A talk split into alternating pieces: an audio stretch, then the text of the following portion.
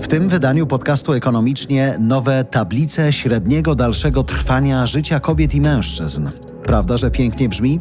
Przekładając na język, który Was zatrzyma przy podcaście, GUS podaje nowe dane, od których liczona będzie nasza emerytura.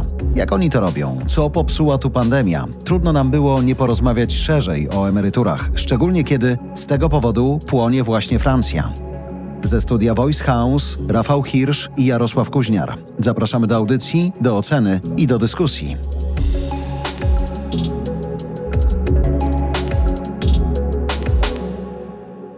Wiem, że ZUS zawsze czeka na nasze składki, ale żeby rozdawał tablicę średniego dalszego trwania życia kobiet i mężczyzn, pierwsze słyszę, ale patrząc na ulice Francji, myślę sobie, dobrze byłoby rozumieć więcej i decydować bardziej wspólnie o tym, jak długo będziemy pracować, żebyśmy wiedzieli za co w tej reszcie życia już po robocie będziemy żyć, panie Rafale. Jak dużo będziemy dostawać na tej emeryturze. Jak prawda? mało będziemy dostawać, przepraszam Albo bardzo. jak mało będziemy dostawać, tak, bo to zależy. Patrząc na ulicę Francji, można by dojść do wniosku, że to zależy przede wszystkim od tego, jak długo pracujemy, czyli jak długo odkładamy te nasze składki.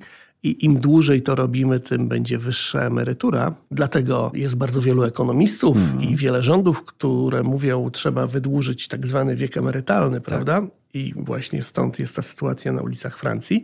No, tam akurat też chodzi im o to, że nikt nie zapytał. Pan prezydent zdecydował bez parlamentu, że będą pracować dłużej, no i wyszli, palą opony i tak No dalej. niech im będzie. No myślę, że jakby się ich ktoś zapytał, to, to, to by nie To by było to samo, co w Polsce. Czy chciałbyś pracować dłużej? Nie. Czy chciałbyś pracować dłużej, ale zarobić więcej? No, pogadajmy. Czy chciałbyś pracować krócej, a zarobić mniej? Nie. I bądź mądry. No. No właśnie. Natomiast mam wrażenie, że ten temat, w związku z tym, że przerabialiśmy to też już w Polsce kilka lat temu, jest Polakom dość dobrze znany i tutaj chyba ta zależność, mam nadzieję przynajmniej, że jest dość jasna, tak? że jak się dłużej pozostaje aktywnym zawodowo, się dłużej pracuje, to się dłużej odkłada te składki, więc jest ich więcej na tym koncie emerytalnym w ZUS-ie. W związku z tym potem można liczyć na wyższą emeryturę. Po pierwsze dlatego, że jest więcej tych pieniędzy tam odłożonych, a po drugie także dlatego, że siłą rzeczy jednak ludzie umierają, więc jeśli większą część życia spędzą na rynku pracy, no to potem relatywnie mniej, krócej są na emeryturze, więc jakby te składki, które zostały zgromadzone, rozdzielasz potem na mniejszą liczbę wypłat, No tak, więc tak, każda tak, z nich tak, może tak. być wyższa wtedy. Teoretycznie prawda? tak. Teoretycznie. I do tego jakby się sprowadza ta druga historia, którą teraz mamy. Tak, o tych mamy GUS i mamy ZUS. GUS O- mówi, słuchajcie, oto te tablice, a ZUS mówi, no dobra, to wyliczmy sobie, kogo na co stać. Mamy tę tablicę tak zwanego średniego, dalszego trwania życia, prawda? GUS je podaje co roku.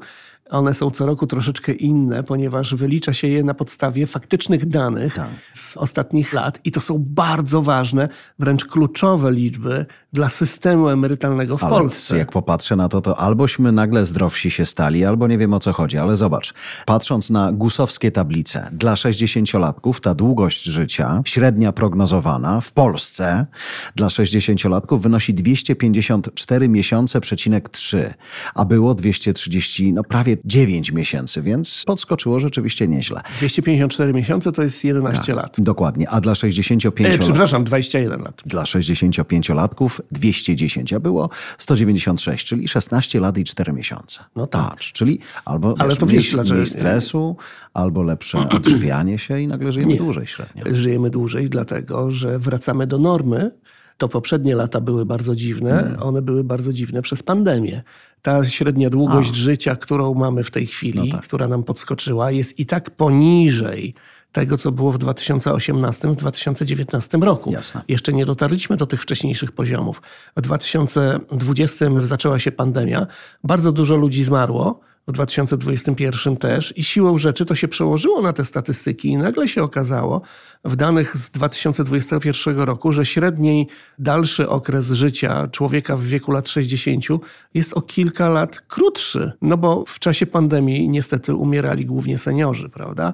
Więc nagle się okazało i to wynikało z rzeczywistych danych z tamtych lat, że ta średnia przewidywalna dalsza długość życia tych ludzi jest krótsza. W 2022 też na podstawie danych z 2021 ona była krótsza, a teraz ten czynnik jakby już coraz bardziej jest w przeszłości. Tak? Na szczęście sytuacja już się poprawiła, jeśli chodzi o pandemię, chociaż nadal ten wirus mhm. jest i nadal są hospitalizowani ale to już jest zupełnie nie ta skala, bo mamy szczepionki na szczęście. I w związku z tym to w tych danych też zaczyna widać i wracamy po prostu, zaczynamy wracać do tych wcześniejszych poziomów. Ale to oznacza, po co są w ogóle te średnie tablice życia. Jak ktoś osiąga wiek emerytalny, niezależnie od tego, w którym miejscu ten wiek jest, Polsce jest w tej chwili na poziomie 65 lat dla mężczyzn, 60 lat dla kobiet. Jak ktoś osiąga ten wiek emerytalny, to może przejść na emeryturę. Chociaż nie musi oczywiście, może dalej pracować. Ale jeśli chce, no to w tym momencie już jest uprawniony do tego, żeby uzyskać prawo do emerytury. W związku z tym musi, ja powiem Ci szczerze, dokładnie nie wiem, jak to wygląda, bo nigdy tego nie robiłem, ale wyobrażam sobie, że po prostu musisz złożyć wniosek do ZUS-u zapewne o to, żeby Ci wypłacali emeryturę. To jest świadczenie z ZUS-u, tak jak wiele różnych innych świadczeń. Więc składasz ten wniosek i oni go przyjmują. Oczywiście po osiągnięciu wieku emerytalnego jesteś uprawniony albo uprawniona do tego, żeby taką emeryturę dostawać. I w tym momencie następuje bardzo ciekawy proces wyliczenia tego, jaka emerytura będzie ci tak. przysługiwać. Tutaj ZUS bierze pod uwagę dwie wielkości. Tylko na jedną z nich mamy wpływ, a na drugią nie mamy wpływu. I tą drugą, na którą nie mamy wpływu, jest właśnie ten średni wiek, mhm. bo on w tym momencie jest bardzo ważny. To, na co mamy wpływ, to to, ile mamy pieniędzy na koncie w ZUS-ie. Ktoś no. może powiedzieć, na koncie w ZUS-ie nie ma żadnych pieniędzy. Okej, okay, tam nie ma gotówki fizycznie, faktycznie. No tak, tak. Natomiast jest jakieś zobowiązanie Jest państwa. zobowiązanie państwa. Natomiast które... wiesz, to też patrząc po zawodowym życiu przez lata, na pewne rzeczy mamy wpływ większy, na inne nie. Już nieraz wspominaliśmy o tym, że różnie są konstruowane te miesięczne wynagrodzenia i pamiętamy nasze czasy telewizyjne, gdzie tak naprawdę to, od czego ZUS odkładał na tym moim koncie za przeproszeniem, czyli ta składeczka, to było od takiej minimalnej kwoty. Reszta była zupełnie nieozusowana tak, jak być powinna, więc to jest też taki moment, w którym właśnie weryfikujesz swoje całe zawodowe życie myślisz sobie, ja pierniczę. 65 albo 7 lat pracowałem i nagle się okazuje, że w ogóle tam prawie nic nie ma. No bo na co dzień, nawet jeżeli wychodzisz z założenia, że pracujesz do końca życia, no to kiedyś spróbujesz przynajmniej przestać i dotknąć właśnie tego magicznego momentu, kiedy państwo ci mówi, już nie musisz. No możesz, ale nie, nie musisz. Nic nie masz w ZUS-ie? Nie, coś tam zakładam, że mam. Tylko mówię, że powiedziałeś o tym, czyli na dwie rzeczy. Wiesz, że możesz sprawdzić. Wiem, ale boję się. Na pewno masz, bo ja sprawdzałem i ja mam, więc to nie jest aż tak nie, źle. Nie, no, no w tym sensie tak, no, to, ale to nie są kokosy. Nie? To jakby to nie jest, wiemy, że powiedziałeś tak, na długość życia nie mamy wpływu, natomiast na to, jak pracujemy, ile tych pieniędzy zbieramy, no to na to mamy wpływ. Czasami bardziej ograniczony, czasami mniej. Kiedy robiliśmy odcinek o tym, że można się dogadać w kontekście tego planu kapitałowego, prawda? No to tak, jest tak, jakiś tak. sposób, tak? Mhm. Wcześniej mamy etaty, też możemy walczyć o etaty, żeby tutaj ta składka się naliczała. Jak nie mamy etatów, jesteśmy na swoim, no to musimy jakoś pokombinować, żeby spróbować samemu się gdzieś na tę emeryturę przygotowywać, żeby krótko mówiąc nie wisieć tylko na ZUSie na koniec życia. Oczywiście, że tak, tak, tak. Znaczy nie chciałbym tutaj przekonywać wszystkich, że życie na emeryturze jest dostatnie i świetne. Szczególnie patrząc na tablicę natomiast, natomiast jak sprawdzałem to, co tam u mnie ten ZUS hmm. pisze, to mi to wyglądało z grubsza, że ta wysokość emerytury byłaby gdzieś tam w okolicach 40-40 kilku procent moich miesięcznych przychodów teraz, tak? miesięcznych przychodów, ale też zawsze trzeba pamiętać, wielu ekonomistów o tym wspomina, że na emeryturze jednak masz zupełnie inną strukturę wydatków ale też już wtedy. No już nie spłacasz już kredytu nie, mieszkaniowego? Nie spłacasz kredytu najczęściej już wtedy, po pierwsze. Na szkołę dzieci nie łożysz? Nie, I dzieci ci odpadają. No, no dobra, tak. ale dom seniora warto by było opłacić, nie? Z tej emerytury, żeby dzieci nie musiały dokładać. No, no. z pewnością na zmiana, jest trzecia bardzo ważna zmiana struktury, czyli bardzo rosną ci wydatki na zdrowie, tak. na leki i tego typu historie. Tak, tak. Widzisz, dzisiaj śmiejesz się. Natomiast znaczy... masz mniejsze gospodarstwo domowe. Już te dochody nie rozchodzą ci się na cztery osoby, bo masz dwójkę dzieci, tylko na dwie osoby, a potem na końcu już niestety na jedną. Tak? Więc to sprawia, że pomimo tego, że dochody są zdecydowanie mniejsze niż w czasie twojej aktywności na rynku pracy, jak masz 30 parę, 40 parę lat, to jednak to nie jest aż tak dramatycznie mało, jakby ci się wydawało na pierwszy rzut oka, bo jednak masz generalnie mniejsze wydatki i mniej osób na utrzymaniu. I to też łagodzi, tak? To są takie okoliczności łagodzące, można powiedzieć, więc i tak wyszło na to, że zachwalam życie na emeryturze teraz. Nie tak sobie myślę. Dobra, wróćmy do tego, wróćmy o czym do jednej prostej rzeczy, choć zaczęliśmy i we Francji i zaczęliśmy w GUS-ie, więc GUS mówi, słuchajcie, to są nowe średnie tablice dalszego trwania życia kobiet tak, i mężczyzn. i chodzi mi o ten moment, w którym zgłaszasz się do ZUS-u, chcesz dostać emeryturę i oni muszą wyliczyć, czy jaka to jest emerytura Cała i prawda. patrzą, ile masz na koncie w ZUS-ie. To ile masz na koncie w ZUS-ie zależało od tego, ile tych składek odprowadzałeś w życiu i oczywiście różne formy zatrudnienia są różnie oskładkowane, dlatego jak ktoś był przez większość życia na tak zwanych umowach śmieciowych, no to, no to niestety teraz będzie cierpiał. Tak? Jeśli ktoś był na etacie, to wygląda to zdecydowanie lepiej. Jeśli ktoś jest przedsiębiorcą, to może płacić na ten ZUS oczywiście minimalną stawkę i pewnie wszyscy tak robią, ale warto pamiętać o tym, że można płacić więcej na ZUS. To jest tylko minimalna stawka. Jak chcesz, możesz płacić będąc przedsiębiorcą, możesz płacić ile chcesz. Możesz zadeklarować w ZUS-ie, że będziesz płacić więcej i wtedy ci się więcej odłoży na emeryturę. Warto o tym pamiętać, że te pieniądze w ZUS-ie, w przeciwieństwie do tego, co było w OFE kiedyś, nie są inwestowane nigdzie. Wiele ludzi na to narzeka, że to w związku z tym jest jakaś ściema, bo to nie są prawdziwe pieniądze, które nie są nigdzie inwestowane. Moim zdaniem to jest akurat zaleta tego systemu, bo jeśli one nie są inwestowane, to one nie są obarczane ryzykiem. To znaczy nie ma możliwości, żeby te pieniądze zniknęły bo jest krach na giełdzie, prawda, i ktoś wtopił te pieniądze w związku z tym. To jest waloryzowane według przepisów, które są w ustawach. Można powiedzieć, ok, ustawy można zmienić. Pewnie, że można zmienić, ale proszę pokazać mi polityka, który tak zmieni ustawę, że wszyscy emeryci będą mieli gorzej. Nie widzę takiego. Przez najbliższe 100 lat nie widzę takiego, ani jednego, ponieważ rola na scenie politycznej wyborców w wieku emerytalnym będzie coraz większa, a nie coraz mniejsza, więc to będzie polityczne samobójstwo, żeby tak grzebać w systemie emerytalnym, żeby było gorzej dla tych ludzi, a nie lepiej. To się nie stanie. Zresztą to się nie stało ani razu przez ostatnie dwadzieścia kilka lat też przecież, a też można było to do tej pory zrobić, więc to jest raczej taka groźba czysto teoretyczna, że ktoś zmieni te zapisy.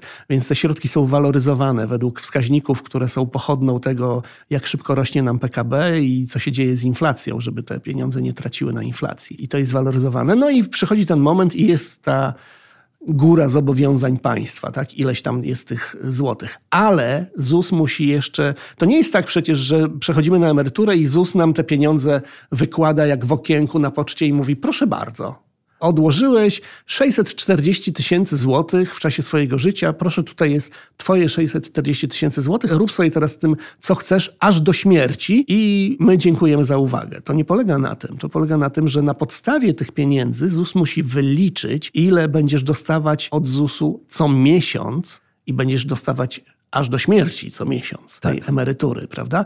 I w tym momencie wchodzi średnia przewidywana długość życia. Wtedy ZUS bierze właśnie tą tabelkę, którą dostał od GUS-u. Co mnie obchodzi twoje 150 sobie, lat. I myśli sobie, Jarosław Kuźniar ma 65 no. lat teraz, znaczy pożyje jeszcze 3. 21 lat. Mhm. Średnio pożyje. Tak tablice, które mamy, tak są ogólne. Ja nie jestem pewien, czy nie ma Moim zdaniem powinno być, jeśli nie ma, to niedobrze, nie jestem pewien. Powinny być osobne tablice dla mężczyzn i dla kobiet, bo no, wiadomo, myślę, że tutaj jest dość istotna różnica. też jest inne, tak. No właśnie.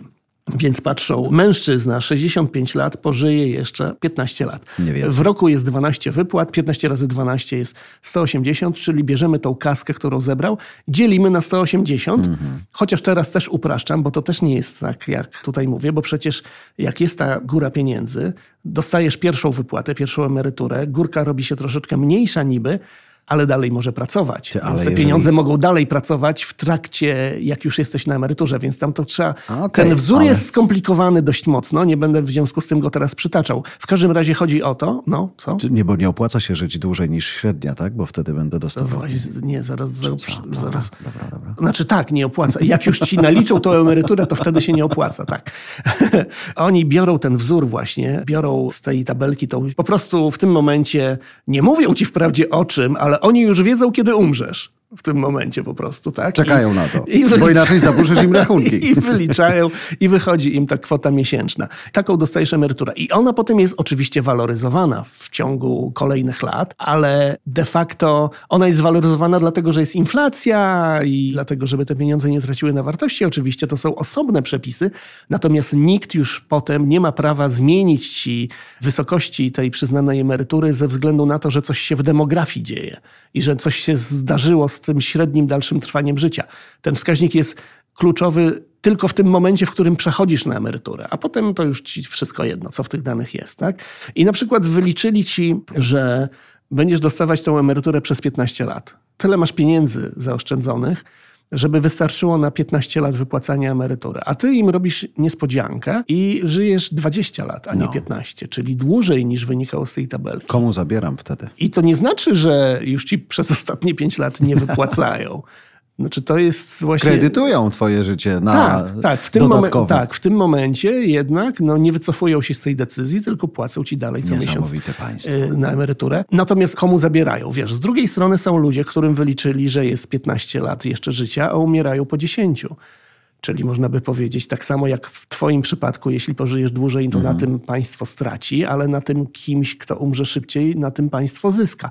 I ten system, w związku z tym, że jest bardzo duży, obejmuje wiele milionów ludzi, on się. Jakoś się bilansuje. jak, znaczy pod tym względem się bilansuje, że jest trochę takich, którzy nie dożyją No, tego no, no, momentu, no, a no. są tacy, którzy pożyją dłużej. Bo to jest średnia. No, w średniej zawsze tak jest, że jest trochę powyżej, trochę poniżej. Nie? W każdym razie to nie jest tak, że tak jak w systemach kapitałowych, że są faktyczne pieniądze, faktycznie inwestowane i potem ich jest jakaś skończona liczba i po prostu może ci się skończyć, mogą ci się skończyć te pieniądze. Tak będzie z oszczędnościami z IGZE na przykład albo z IKE. Tam będzie jakaś określona suma i dostaniesz tą sumę i będziesz mógł ją Wydać na raz nawet. Przepić ją możesz w tydzień, jeśli się Przejeść, dobrze przejeść, uprzeć, tak? Albo możesz spróbować za to faktycznie jakoś żyć przez całą emeryturę, ale tam jest skończona liczba i te pieniądze faktycznie mogą ci się skończyć. Natomiast emerytura to jest takie zobowiązanie ze strony państwa, które się nie kończy, niezależnie od tego, ile tych pieniędzy zebrałeś.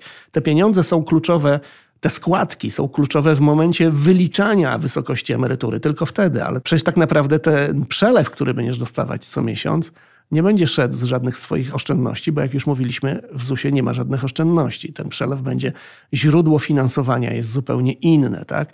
Czyli tu są jakby dwie warstwy. Jedna warstwa to jest warstwa zobowiązania prawnego państwa wobec ciebie, że państwo ma ci do końca twojego życia wypłacać jakieś pieniądze, a zupełnie inną warstwą jest to, skąd faktycznie No tak. te namacalne pieniądze państwo bierze. Choć tak? tutaj dotykamy obszaru, o którym w ogóle teraz nie mówiliśmy. Skupiliśmy się na długości życia, skupiliśmy się na tym, jak była ustawiona nasza praca, czy to był etat, jak były rozliczane te składki, jak wysokie, a nie dotknęliśmy demografii, która jest cholernie ważna. I ona w kontekście długości życia oczywiście się pojawia, ale z drugiej strony, jeżeli my do tego pieca nie będziemy dorzucali też nowymi pokoleniami, które przyjdą na rynek pracy, no to siłą rzeczy ten system zawsze będzie w kryzysie. I dlatego No i ta- stąd te wszystkie prognozy mówiące o tym, że za, Trzeba wydłużyć. że za 30 lat będzie emerytura wynosiła 20% ostatniego a wynagrodzenia. nie Czyli- 40, które sobie wyliczyłeś Tak, ty. No tak, właśnie. bo teraz jest w okolicach 40-50%, potem będzie mniej. Tak? I teraz nawet w kontekście Francji i tego takiego przymusowego wydłużenia czasu pracy czy lat spędzanych w pracy, jak popatrzyłem sobie na dokumentację statisty, Holendrzy 66 lat i 10 miesięcy trzeba być w robocie. W Stanach Zjednoczonych A jak sześć- 66 lat? Minimum Standard Retirement Age for Public A Pensions. age, No age. No, no, no, no, no, no, no. Bo ja w tym zrozumiałem, że musisz Nie, nie, nie, pracować nie, nie, przez nie, nie, nie. 66 No. lat. Jak zaczniesz od 18, to wiesz, do 85. Ale zobacz, masz właśnie Holendrów 66, Okej. 66 Mhm. rok życia 10 miesięcy. Stany Zjednoczone 66 4 miesiące. Hiszpania 66 4 miesiące. UK 66 lat.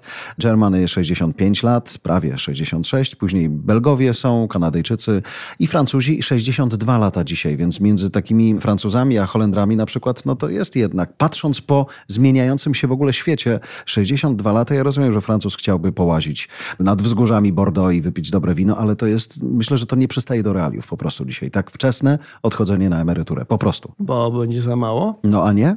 A gdybyśmy my sobie obniżyli wiek emerytalny, to by szlak trafił cały ten nasz system, nie? Gdybyśmy zaszli do 62, 60, ale szybciej 55, 50.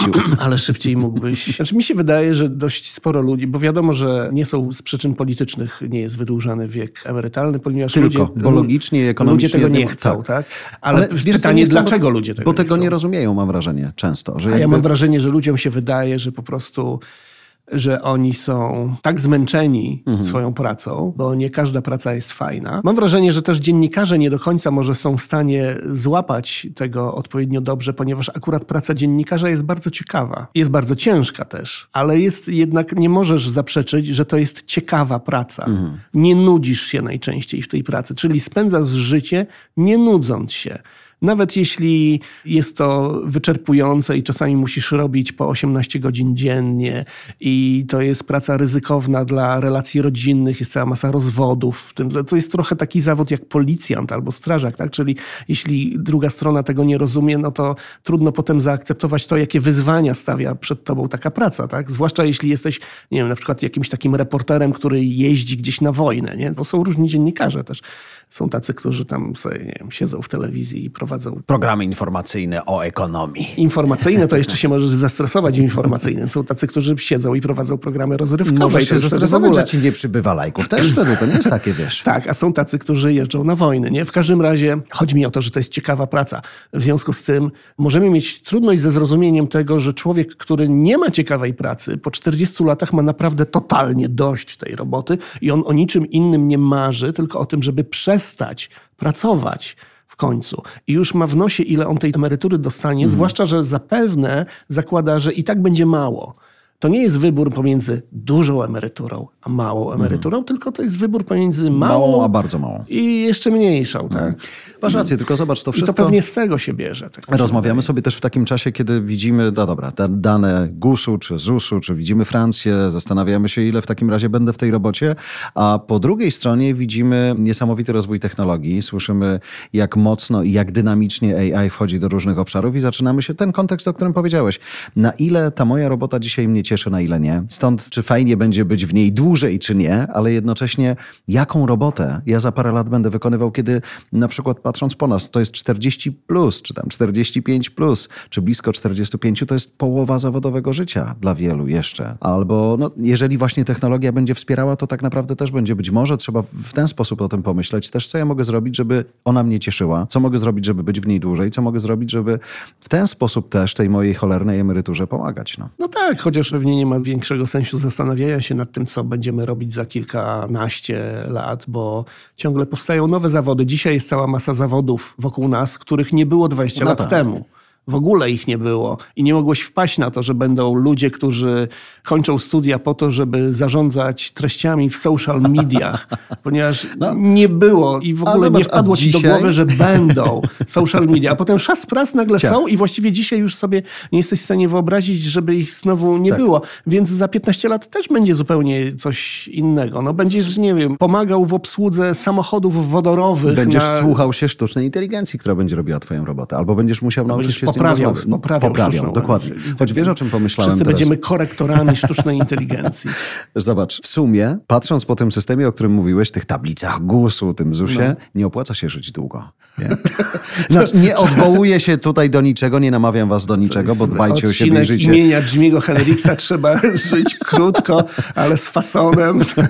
No bo przykładając te cholerne algorytmy i te wszystkie tabele i tak dalej, wychodzi na to, że im krócej, w ogóle cały system miałby się lepiej, nie? Nie, słuchaj, nie, no bo jak już ci naliczą tę emeryturę, no to właśnie wtedy musisz ciągnąć jak najdłużej, bo jak pociągniesz dłużej niż twoja średnia, te 120 lat. wtedy jak pociągniesz dłużej niż twoja średnia, no to No wygrałeś. tak, no, to- to wygrałeś. sensie tak, to ale- wtedy saldo rozliczeń twoich z państwem jest na plus. Choć myślę, że w kontekście kampanii wyborczej, która się w różnych regionach Europy teraz odbywa, będzie odbywała, zawsze będą jakieś wybory, to zawsze ten właśnie, tak jak w naszym przypadku przecież, wiek emerytalny kiedyś to była sytuacja życia i śmierci w tych wyborach i to też wróci teraz, więc posłuchajcie proszę tego, o czym mówiliśmy, zastanówcie się i być może rzeczywiście trzeba iść drogą słynnego, choć dla wielu pokoleń współczesnych wyborców, nieistotnego i nieznanego Waldemara Pawlaka, który powiedział, że on w ogóle nie liczy na żaden ZUS. No tak, chociaż to moim zdaniem nie była, nie powinien tak mówić polityk, jednak on powinien dawać wzór.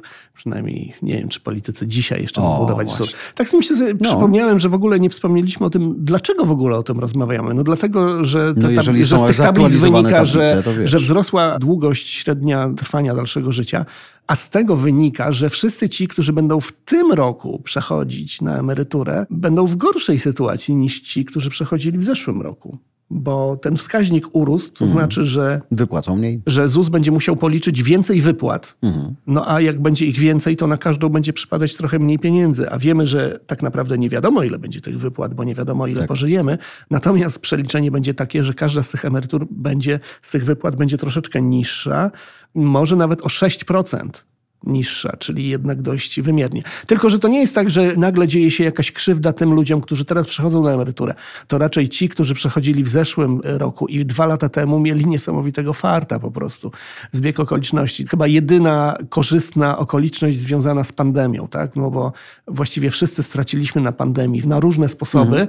Natomiast akurat ci, którzy osiągnęli w tym, dokładnie w tym momencie wiek emerytalny i w tym momencie zgłaszali się do ZUS-u, żeby przejść na emeryturę, to oni zyskali pośrednio dzięki temu, bo się okazało, że te tablice akurat w tym Zaburzyły momencie się. zaburzyły się dość mocno, bo wiesz, średnia długość życia w ogóle rośnie z roku na rok, bo żyjemy coraz dłużej, ale w normalnych czasach te zmiany są niezauważalne, a pandemia spowodowała, że były bardzo duże, najpierw w jedną stronę, teraz w drugą stronę. Choć myślę, że konkluzja, choćbyśmy nie wiem jak próbowali, żeby była inna, to to, co powiedziałeś, myślę, bardzo mnie przekonuje, że tu nie ma wyboru między dużą a małą emeryturą, a raczej między małą a jeszcze mniejszą. Przepraszam za brak optymizmu na koniec. Dziękujemy do usłyszenia. Dziękujemy za Twoją uwagę. Kierownictwo produkcji Dorota Żurkowska. Redakcja Agnieszka Szypielewicz. Dystrybucja Olga Michałowska. Dźwięk Kamil Sołdacki. Redaktor naczelny Voice House Jarosław Kuźniar.